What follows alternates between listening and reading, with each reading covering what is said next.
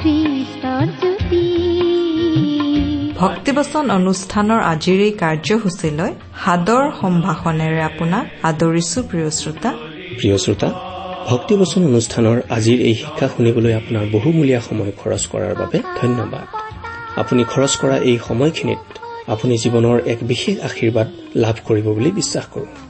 আজিৰ এই অনুষ্ঠানে নিশ্চয় আপোনাক জীৱনৰ তৃপ্তি দান কৰিব।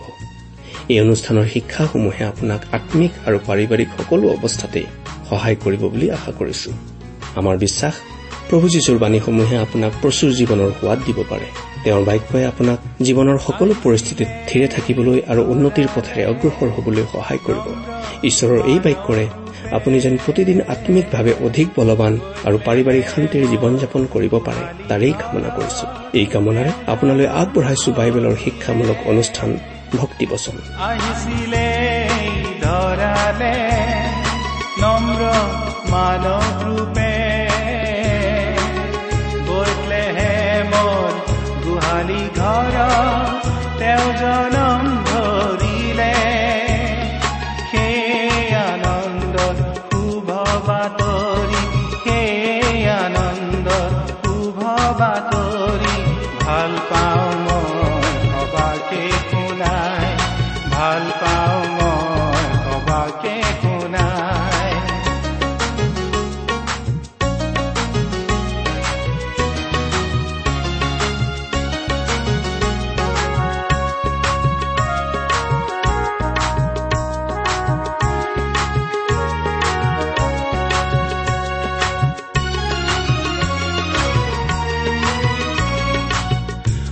পাপৰ গধুৰ বুজাব তেওঁ কান্ধতে তেল।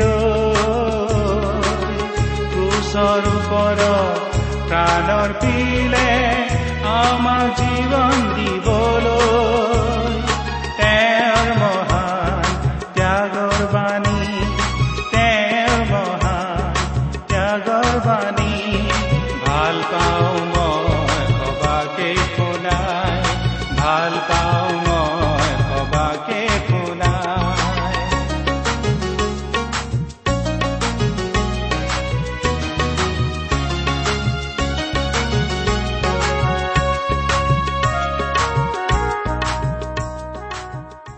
আমাৰ মহান ত্ৰাণকৰ্তা প্ৰভু যীশুখ্ৰীষ্টৰ নামত নমস্কাৰ প্ৰিয় শ্ৰোতা।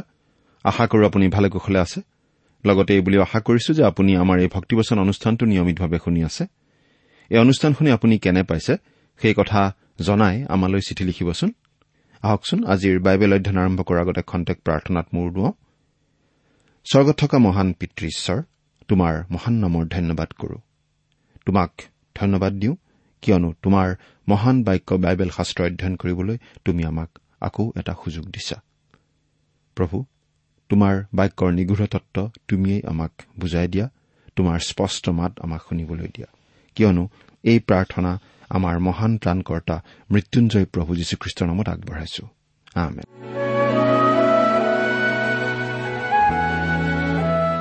প্ৰিয় শ্ৰোতা এতিয়া আমি বাইবেলৰ পুৰণি নিয়ম খণ্ডৰ জিৰিমিয়া ভাৱবাদীৰ পুস্তকখন অধ্যয়ন কৰিবলৈ হাতত লৈছো।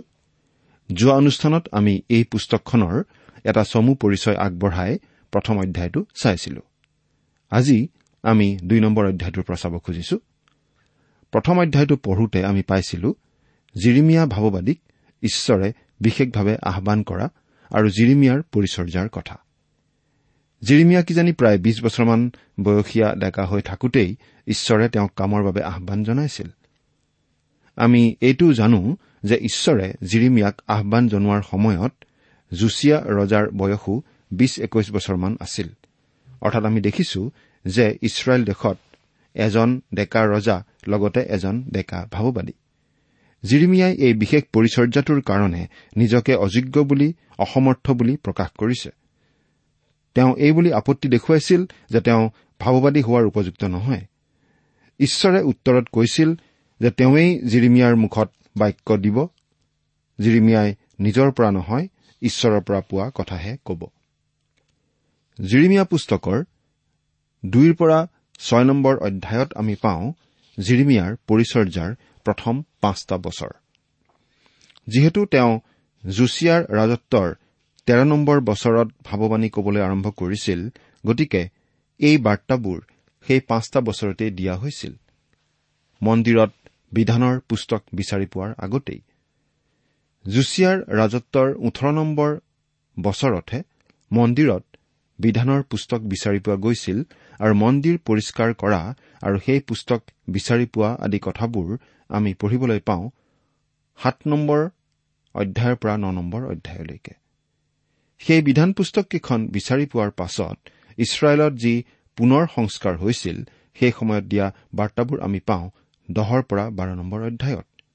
আমি দেখিবলৈ পাম যে সেই পুনৰ জাগৰণ আৰু সংস্কাৰ ওপৰুৱা আছিল কাৰণ ঈশ্বৰৰ বাক্যৰ ওপৰত উচিত গুৰুত্ব দিয়া হোৱা নাছিল। প্ৰিয় শ্ৰোতা আমি মনত ৰখা উচিত যে ঈশ্বৰৰ বাক্যৰ ওপৰত উচিত ৰূপে গুৰুত্ব নিদিয়ালৈকে আমি কেতিয়াও প্ৰকৃত পুনৰ জাগৰণ বা সংস্কাৰ পাব নোৱাৰো। এই সময়ছোৱাৰ কথা ভালদৰে জানিবলৈ হলে আমি এই ভাৱবাণীমূলক পুস্তকৰ লগতে বাইবেলৰ ইতিহাসমূলক পুস্তককেইখনো পঢ়িব লাগে। আমি দ্বিতীয় বংশাৱলী পুস্তকৰ চৌত্ৰিশ নম্বৰ অধ্যায়ৰ এক পদৰ পৰা তিনি নম্বৰ পদলৈকে একেলগে পাঠ কৰি দিম। জুছিয়াই আঠ বছৰ বয়সত ৰজা হৈ জিৰচালেমত একত্ৰিশ বছৰ ৰাজত্ব কৰিলে। জিহুৱাৰ দৃষ্টিত যি ন্যায় তেওঁ তাকে কৰিলে। তেওঁ নিজ ওপৰ পিতৃ ডায়ুদৰ পথত চলিলে। তাৰ পৰা সোঁ কি বাওঁফালে নুঘূৰিলে। কিয়নো তেওঁৰ ৰাজত্বৰ অষ্টম বছৰত তেওঁ অলপ বয়সীয়া হৈও তেওঁৰ ওপৰ পিতৃ ডায়ুদৰ ঈশ্বৰক বিচাৰিবলৈ ধৰিলে। আৰু দ্বাদশ বছৰত ওখ ঠাইবোৰ আচেৰা মূৰ্তিবোৰ আৰু কটা ও সাঁচত ঢলা প্ৰতিমাবোৰ গুচাই জিহুদা আৰু জিৰচালেম সূচী কৰিবলৈ ধৰিলে। আৰু এই কালতেই জিৰিমিয়াৰ প্ৰথম পাঁচ বছৰীয়া ভাৱবাণী প্ৰচাৰৰ পৰিচৰ্যা চলিছিল। এতিয়া আমি দ্বিতীয় বংশাৱলী চৌত্ৰিশ নম্বৰ অধ্যায়ৰ চাৰিৰ পৰা আঠ নম্বৰ পদলৈকে পাঠ কৰি দিছো। আৰু তেওঁৰ সাক্ষাতে লোকবিলাকে বাল দেৱতাবোৰৰ যজ্ঞবেদীবোৰ ভাঙি পেলালে আৰু সেইবোৰতকৈ ওখত স্থাপন কৰা সূৰ্য প্ৰতিমাবোৰকো তেওঁ কাটি পেলালে। আৰু আচেৰা মূৰ্তিবোৰ আৰু কটা ও সাঁচত ঢলা প্ৰতিমাবোৰ ভাঙি গুৰি কৰি সেইবোৰৰ উদ্দেশ্যে বলিদান কৰাবিলাকৰ মৈদামৰ ওপৰত সেই ধূলি ছটিয়াই পেলালে। আৰু তেওঁ পুৰোহিতবিলাকৰ হাড়বোৰ সিহঁতৰ যজ্ঞবেদীৰ ওপৰত দগ্ধ কৰিলে আৰু জিহুদা আৰু জিৰচালেম সূচী কৰিলে। আৰু তেওঁ নগৰে মনচিৰ ইফ্ৰইমৰ আৰু চিমিউনৰ নগৰে নগৰে নপ্তালিলৈকে সকলোফালে তেওঁবিলাকৰ উচ্ছন্ন হোৱা ঠাইত সেইদৰে কৰিলে। আৰু তেওঁ যজ্ঞবেদীবোৰ ভাঙিলে আচেৰা মূৰ্তিবোৰ ও কটা প্ৰতিমাবোৰ গুৰি কৰিলে আৰু ইছৰাইল দেশৰ সকলো ঠাইৰ আটাইবোৰ সূৰ্য প্ৰতিমা কাটি পেলালে পাছে জিৰচালেমলৈ উভতি আহিল। তেওঁৰ ৰাজত্বৰ অষ্টাদশ বছৰত দেশ আৰু গৃহ সূচী কৰাৰ পাছত তেওঁ নিজ ঈশ্বৰ জিহুৱাৰ গৃহ মেৰামত কৰিবৰ নিমিত্তে অচলিয়াৰ পুত্ৰ চাফনক নগৰৰ অধ্যক্ষ মাছেয়াক আৰু জোৱাহজৰ পুত্ৰ জোৱাহ ইতিহাস লিখকক পঠালে। প্ৰভুৰ গৃহ অৰ্থাৎ মন্দিৰ পৰিষ্কাৰ আৰু মেৰামতি কৰা এই সময়ছোৱাতে হিলকিয়াই মুচিক ঈশ্বৰে দিয়া বিধানৰ পুস্তকখিনি পাইছিল। সেই সময়ত কিজানি মাত্ৰ দুটা কপিহে আছিল এটা ৰজাৰ বাবে এটা পুৰোহিতৰ বাবে। জুচিয়া ৰজা হোৱাৰ আগতে তেওঁৰ ককাক মঞ্চী আৰু দেউতাক আমোন ৰজা আছিল। তেওঁলোক জিহুদাৰ কুখ্যাত ৰজা আছিল। তেওঁলোকৰ ৰাজত্ব কালত ঈশ্বৰক অৱহেলা কৰা হৈছিল আৰু জিহুদা ৰাজ্যখন অধঃপতিত হৈছিল। ঈশ্বৰৰ প্ৰতিও তেওঁলোকৰ কোনো ভয় ভক্তি নাছিল। ঈশ্বৰৰ বাক্যৰ প্ৰতিও তেওঁলোকৰ কোনো আদৰ নাছিল। সেইবাবে ঈশ্বৰৰ বিধানৰ সেই মূল্যৱান পুস্তক মন্দিৰত আৱৰ্জনাৰ মাজত পৰি হেৰাই আছিল। জিৰিমিয়াৰ প্ৰথম বাৰ্তাটো আছিল ঈশ্বৰক পিঠি দিয়া এই লোকসকলৰ প্ৰতিয়েই। এই বাৰ্তাৰ মাজত ইমান মৰম কোমলতা আৰু দৰত সোমাই আছে যে শাস্ত্ৰৰ আন কোনো বাৰ্তাৰ মাজত ইমান আৱেগ আমি সহজে বিচাৰি নাপাওঁ। এয়া হৈছে মানুহে পাহৰি যোৱা ঈশ্বৰে মানুহক জনোৱা সৰব আৰু নিষ্ঠাপূৰ্ণ আবেদন। মানুহবোৰে কিন্তু তেওঁক পাহৰি গৈছিল। মানুহবোৰে তেওঁলৈ পিঠি দিছিল। তথাপিতো দয়া আৰু অনুগ্ৰহৰ আকৰ যি ঈশ্বৰ তেওঁ নিজ লোকক পাহৰা নাছিল বৰং তেওঁলোকে যেন পুনৰ ঈশ্বৰৰ ওচৰলৈ ঘূৰি আহে তাৰ বাবে তেওঁ জিৰিমিয়াক পঠাই দিছিল আৰু জিৰিমিয়াই মৰম আৰু আকুলতাৰে চকুপানী আৰু ভয়েৰে তেওঁলোকক ঈশ্বৰৰ কথা কৈছিল। আমি দুই নম্বৰ অধ্যায়ৰ এক নম্বৰ পদৰ পৰা তিনি নম্বৰ পদলৈকে পাঠ কৰি দিছো শুনিবচোন। পাছে জিহুৱাৰ বাক্য মোৰ ওচৰলৈ আহিল। বোলে তুমি গৈ জিৰচালেমৰ কাণে শুনাকৈ এই কথা প্ৰচাৰ কৰা। জিহুৱাই এই কথা কৈছে তোমাৰ যৌৱন অৱস্থাৰ যি ভক্তি বাগদান কৰা কালৰ তোমাৰ যি প্ৰেম অৰণ্যত খেতি নকৰা দেশত মোৰ পাছত তোমাৰ যি গমন সেই সকলো তোমাৰ অৰ্থে মোৰ মনত আছে। ইছৰাইল জিহুৱাৰ উদ্দেশ্য পবিত্ৰ তেওঁৰ উৎপন্ন শস্যৰ প্ৰথমে পকা ফলস্বৰূপ। যিবোৰে ইছৰাইলক গ্ৰাস কৰিব সিহঁত আটাইবোৰ দোষী বুলি গণ্য হ'ব সিহঁতলৈ অমংগল ঘটিব ইয়াক জিহুৱাই কৈছে। ঈশ্বৰে এটা অতি অপূৰ্ব কাৰ্য কৰি আছে। ঈশ্বৰে ইছৰাইলীয়া লোকসকলক অতীতৰ কথা মনত পেলাবলৈ কৈছে। অতীতত ঈশ্বৰৰ লগত তেওঁলোকৰ যি মধুৰ সম্পৰ্ক আছিল সেই কথা মনত পেলাবলৈ কৈছে। তেওঁলোকক ঈশ্বৰে কেনেকৈ মিছৰ দেশৰ পৰা উদ্ধাৰ কৰি আনিছিল ৰাতি জুইৰ স্তম্ভ আৰু দিনত মেঘ হৈ তেওঁলোকক কেনেকৈ অৰণ্যৰ মাজেদি বাট দেখুৱাই আনিছিল সেইবোৰ কথা মনত পেলাবলৈ কৈছে। সেই ভয়ানক অৰণ্যত তেওঁলোকে ঈশ্বৰৰ সহায় বিচাৰিছিল ঈশ্বৰে সহায়ো কৰিছিল। সেই কথা এতিয়া ঈশ্বৰে মনত পেলাই দিছে। ঈশ্বৰে তেওঁলোকক আশীৰ্বাদ কৰাৰ পাছত আৰু এখন সুন্দৰ দেশত স্থাপন কৰাৰ পাছত তেওঁলোকে ঈশ্বৰক পিঠি দিছে। হুচীয়া ভাওবাদীয়ে উত্তৰৰ ৰাজ্যখনৰ বিষয়ে কৈছিল ইফ্ৰইম শকত আৰু গেৰেলা হল আৰু সমুলি নষ্ট হল। সুখ সম্পদ লাহ বিলাহ আদিৰ মাজত তেওঁলোকে জীৱন্ত ঈশ্বৰক পাহৰি গ'ল আৰু প্ৰতিমা পূজাৰ পিনেহে ঢাল খালে। প্ৰিয় শ্ৰোতা আমি বাৰু কি অৱস্থাত আছো? ঈশ্বৰে আমাক অতীতত যিদৰে সহায় আৰু আশীৰ্বাদ কৰি আহিছে সেই সকলো কথা আমি বাৰু পাহৰি গলো নেকি? আমি বাৰু জাগতিক লাহ বিলাহ আদিত মত্ত হৈ পৰি ঈশ্বৰক পাহৰি গৈছো নেকি? কিন্তু আমি পাহৰিলেও ঈশ্বৰে আমাক নাপাহৰে। তেওঁ আমাক মাতি আছে। তেওঁ আমাক আকৌ ওচৰৰ পৰা পাব বিচাৰে। আমি তেওঁলৈ ঘূৰাটো তেওঁ বিচাৰে। আমাৰ জীৱনত আগস্থান তেওঁ পাবলৈ বিচাৰে। পদ। হে জাকুবৰ বংশ হে ইছৰাইল বংশৰ গোষ্ঠীবিলাক জিহুৱাৰ বাক্য শুনা। প্ৰিয় শ্ৰোতা ওচৰীয়াসকলে ইতিমধ্যে ইছৰাইলৰ উত্তৰাঞ্চল আক্ৰমণ কৰি তাৰ মানুহবিলাকক বন্দী কৰি নিছিল যদিও বহুতো মানুহ জিহুদিয়াৰ আশে পাশে আছিল। আনহাতে উত্তৰাঞ্চলত দহটা ফৈদ আৰু দক্ষিণাঞ্চলত দুটা ফৈদে বাস কৰিছিল। কিন্তু জিৰিমিয়াৰ দ্বাৰা উভয় অঞ্চলৰ মানুহকেই কথা কোৱা হেতুকে জাকুবৰ বংশ আৰু ইছৰাইলৰ গোষ্ঠীবিলাক বুলি কোৱা হৈছে। জিহুৱাই এই কথা কৈছে তোমালোকৰ পূৰ্বপুৰুষবিলাকে মোত কি অন্যায় পালে যে তেওঁবিলাক মোৰ পৰা আঁতৰ হৈ গৈ অসাৰৰ পাছত চলি অসাৰ হল? ঈশ্বৰে ইছৰাইলীয়াসকলক এই প্ৰশ্নৰে সুধিছে যে তেওঁলোকে ঈশ্বৰৰ কি ভুল পালে যাৰ কাৰণে তেওঁলোকে তেওঁৰ পৰা আঁতৰি গ'ল? আপুনিও ঈশ্বৰৰ পৰা আঁতৰি আছে নেকি? প্ৰিয় শ্ৰোতা যদিহে আছে তেন্তে ঈশ্বৰৰ কি ভুল পালে কওকচোন? পদ। তেওঁবিলাকে নকলে যে যিজনাই মিছৰ দেশৰ পৰা আমাক উলিয়াই আনিছিল যিজনাই অৰণ্যৰ মাজেদি বালুকাময় আৰু গুহাময় দেশৰ মাজেদি খৰাং আৰু মৃত্যু ছায়াস্বৰূপ দেশৰ মাজেদি পথিক নচলা আৰু নিবাসী নথকা দেশৰ মাজেদি আমাক লৈ আহিছিল সেই জিহুৱা কত? এই কথা একেবাৰে সঁচা। যি বাটেৰে ঈশ্বৰে ইছৰাইলীয়াসকলক চলাই আনিছিল সি আজিও দুৰ্গম ভয়ংকৰ আৰু জনবসতি পাতল। কিন্তু সেই ঠাইত ঈশ্বৰে তেওঁলোকক চল্লিছ বছৰ ধৰি চলাই লৈ আনিছিল। এই কথা তেওঁলোকে পাহৰি গৈছিল। মই তোমালোকক এখন উদ্যানময় দেশলৈ তাৰ ফল আৰু উত্তম উত্তম বস্তু ভোজন কৰিবলৈ আনিছিলো। কিন্তু যেতিয়া তোমালোকে সোমালা তেতিয়া তোমালোকে মোৰ দেশ অসুচী কৰিলা আৰু মোৰ আধিপত্য ঘীনলগীয়া কৰিলা। ঈশ্বৰে ইছৰাইলীয়াসকলক অৰণ্যৰ মাজেৰে চলাই আনি তেওঁৰ প্ৰতিজ্ঞাৰ দেশত প্ৰৱেশ কৰোৱাইছিল আৰু তাৰ ফল মূল সৌন্দৰ্য ইত্যাদি উপভোগ কৰিবলৈ দিছিল। কিন্তু তেওঁলোকে সেই ভূমিত অপবিত্ৰ কৰিলে আৰু নিজেও একেবাৰে বেয়া হৈ গ'ল। একেদৰে আমিও ঈশ্বৰৰ পৃথিৱীখনকেই আজি কলুষিত কৰা নাইনে? পদ। জিহুৱা ক'ত বুলি পুৰোহিতবিলাকে নকলে আৰু ব্যৱস্থাত পাৰ্গত লোকে মোক নাজানিলে। পালকবিলাকেও মোৰ বিৰুদ্ধে অধৰ্ম আচৰণ কৰিলে আৰু ভাৱবাদীবিলাকে বালৰ নামেৰে ভাৱবাণী প্ৰচাৰ কৰিলে আৰু অনুপকাৰী বস্তুৰ পাছত চলিলে।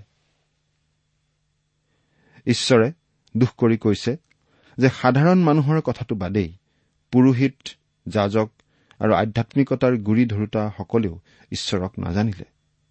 এইটোৱেই হ'ল আধ্যামিকতাৰ চূড়ান্ত পতন আৰু এই পতনে নৈতিকতাৰ পতন ঘটায় আৰু নৈতিকতাৰ পতনে ৰাজনৈতিক অৰাজকতাৰ সৃষ্টি কৰে। এই হেতুকে জিহুৱাই কৈছে মই তোমালোকৰ লগত আৰু প্ৰতিবাদ কৰিম আৰু তোমালোকৰ পু নাতিবিলাকে সৈতেও প্ৰতিবাদ কৰিম। তেওঁলোকৰ এনেকুৱা পতন হোৱা স্বত্তেও ঈশ্বৰে তেওঁলোকক এৰি দিয়া নাছিল বৰং বাৰম্বাৰ তেওঁলোকক নিবেদন কৰি আছিল ঈশ্বৰ কিমান মহান? দহ নম্বৰ পদৰ পৰা তেৰ নম্বৰ পদলৈকে পাঠ কৰি দিম।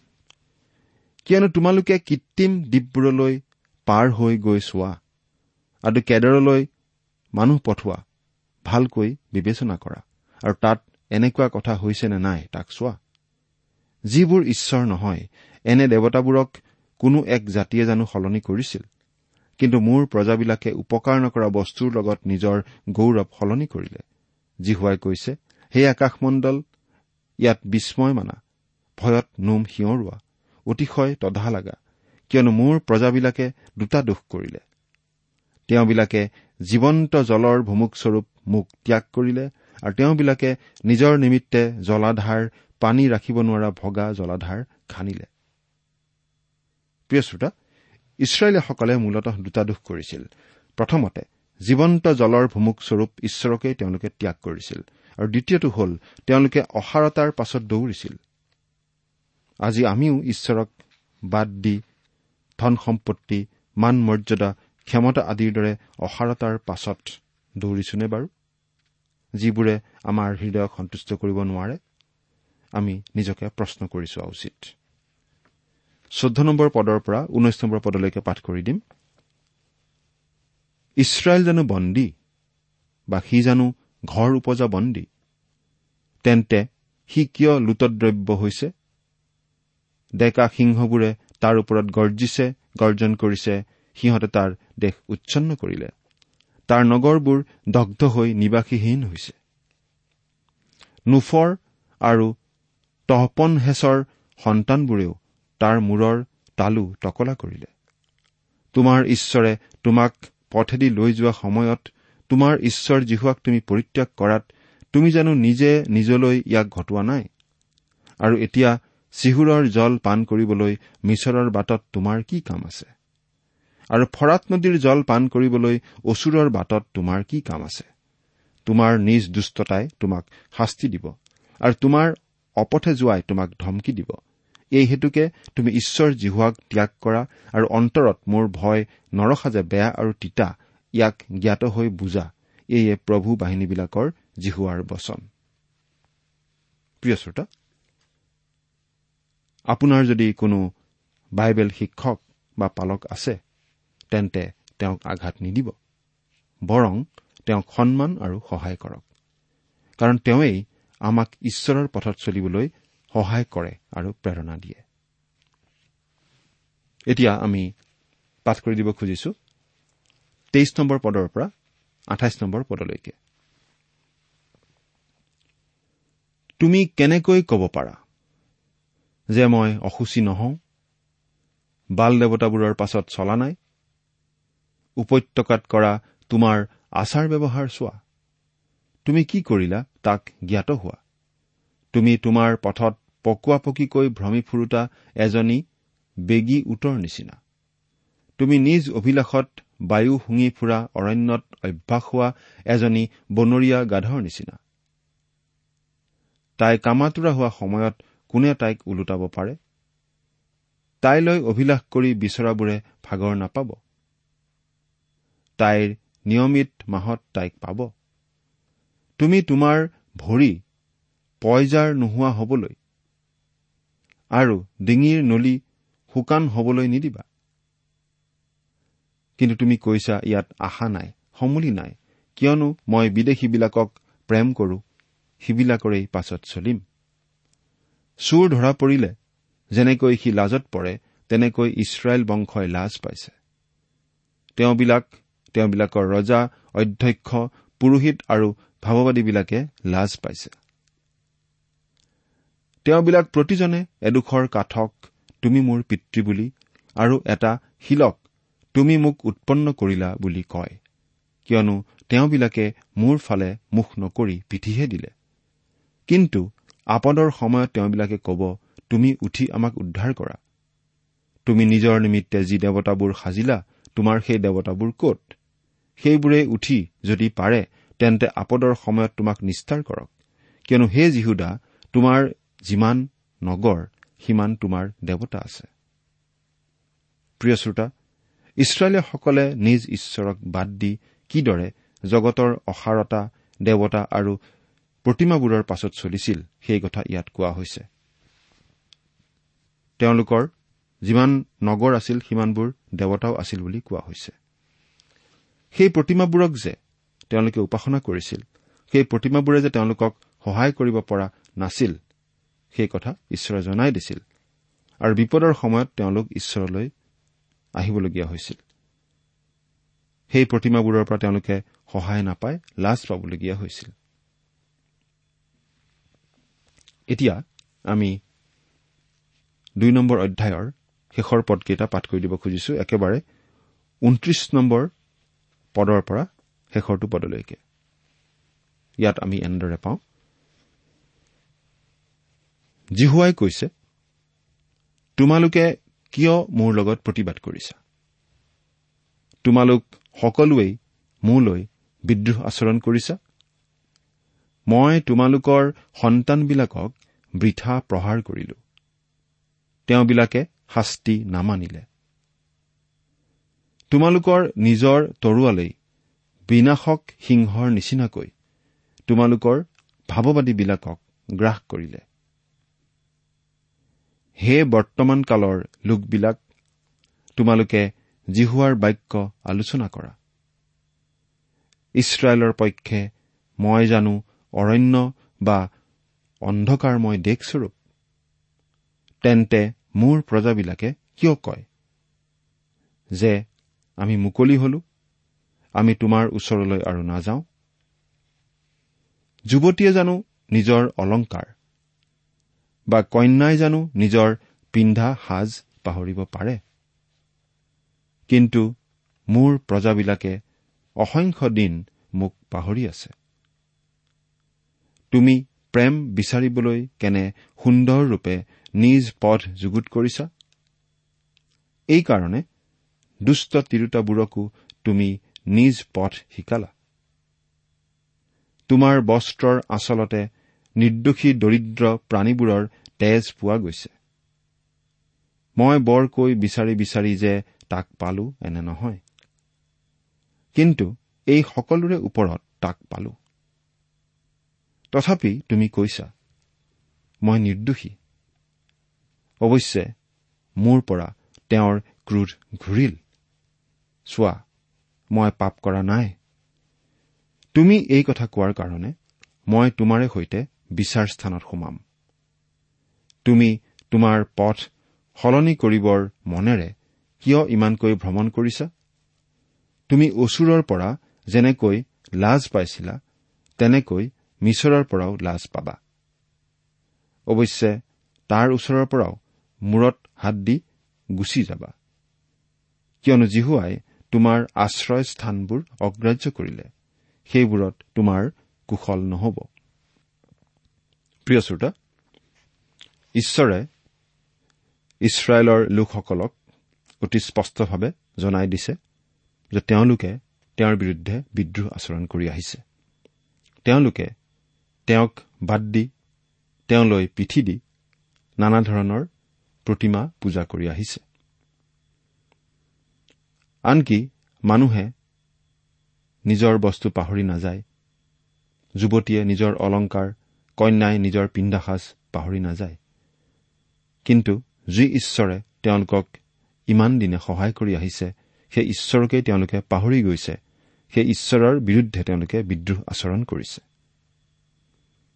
কিন্তু তেওঁলোকে যাৰ ওপৰত ভৰসা কৰিছে সেইবোৰৰ পৰা কেতিয়াও সহায় নাপায়। তেওঁলোকে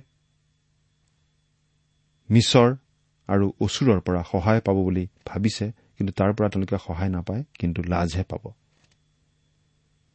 এইখিনি কথাৰ সাৰাংশটো আচলতে হ'ল যে ঈশ্বৰে আমাক যিকোনো ধৰণৰ প্ৰতিমা পূজাৰ পৰা আৰু অসাৰতাৰ পৰা আঁতৰি থাকিবলৈ কৈছে।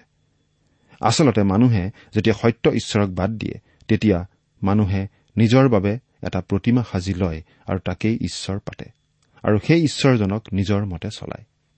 প্ৰিয় শ্ৰোতা আমি বাৰু আমাৰ জীৱনত নিজৰ বাবে কিবা ঈশ্বৰ সাজি লৈছো নে আমি সত্য জীৱন্ত ঈশ্বৰক সেৱা পূজা কৰি আছো?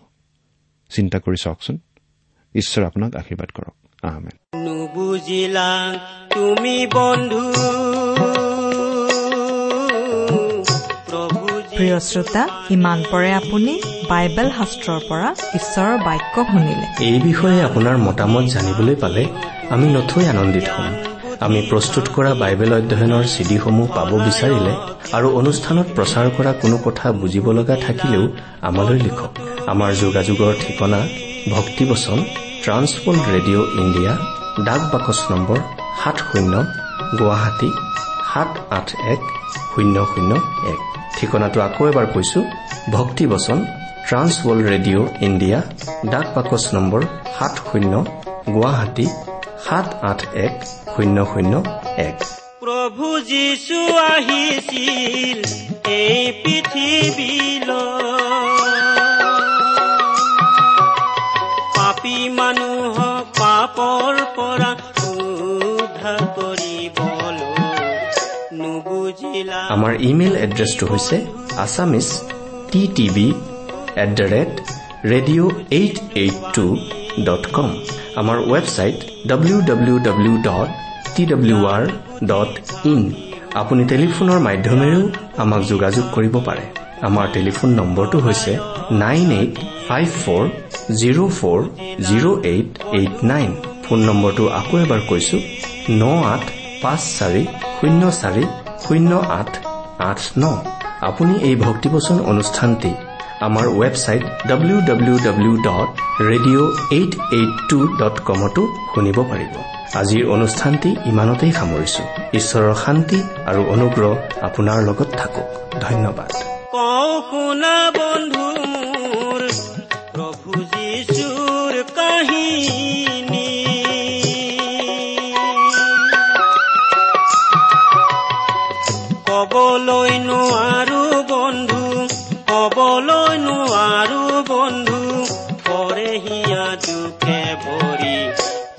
নুবুজিলা বন্ধু তুমি প্ৰভু যীশুৰ বাণী। জ্ঞান বুদ্ধি থাকিও তুমি জ্ঞান বুদ্ধি থাকিও তুমি হলায় জ্ঞানী হে। নুবুজিলা বন্ধু তুমি।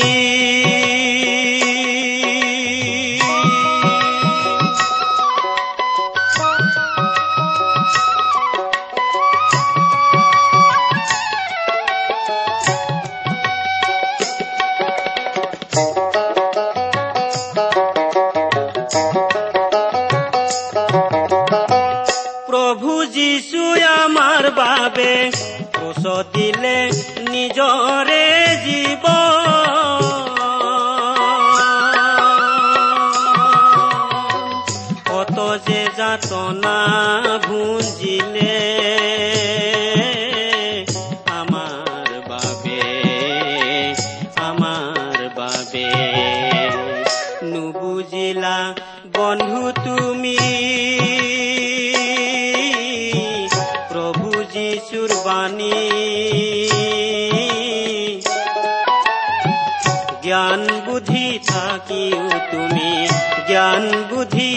থাকিও তুমি? হলায় জ্ঞানী হে নুবুজিলা বন্ধু তুমি।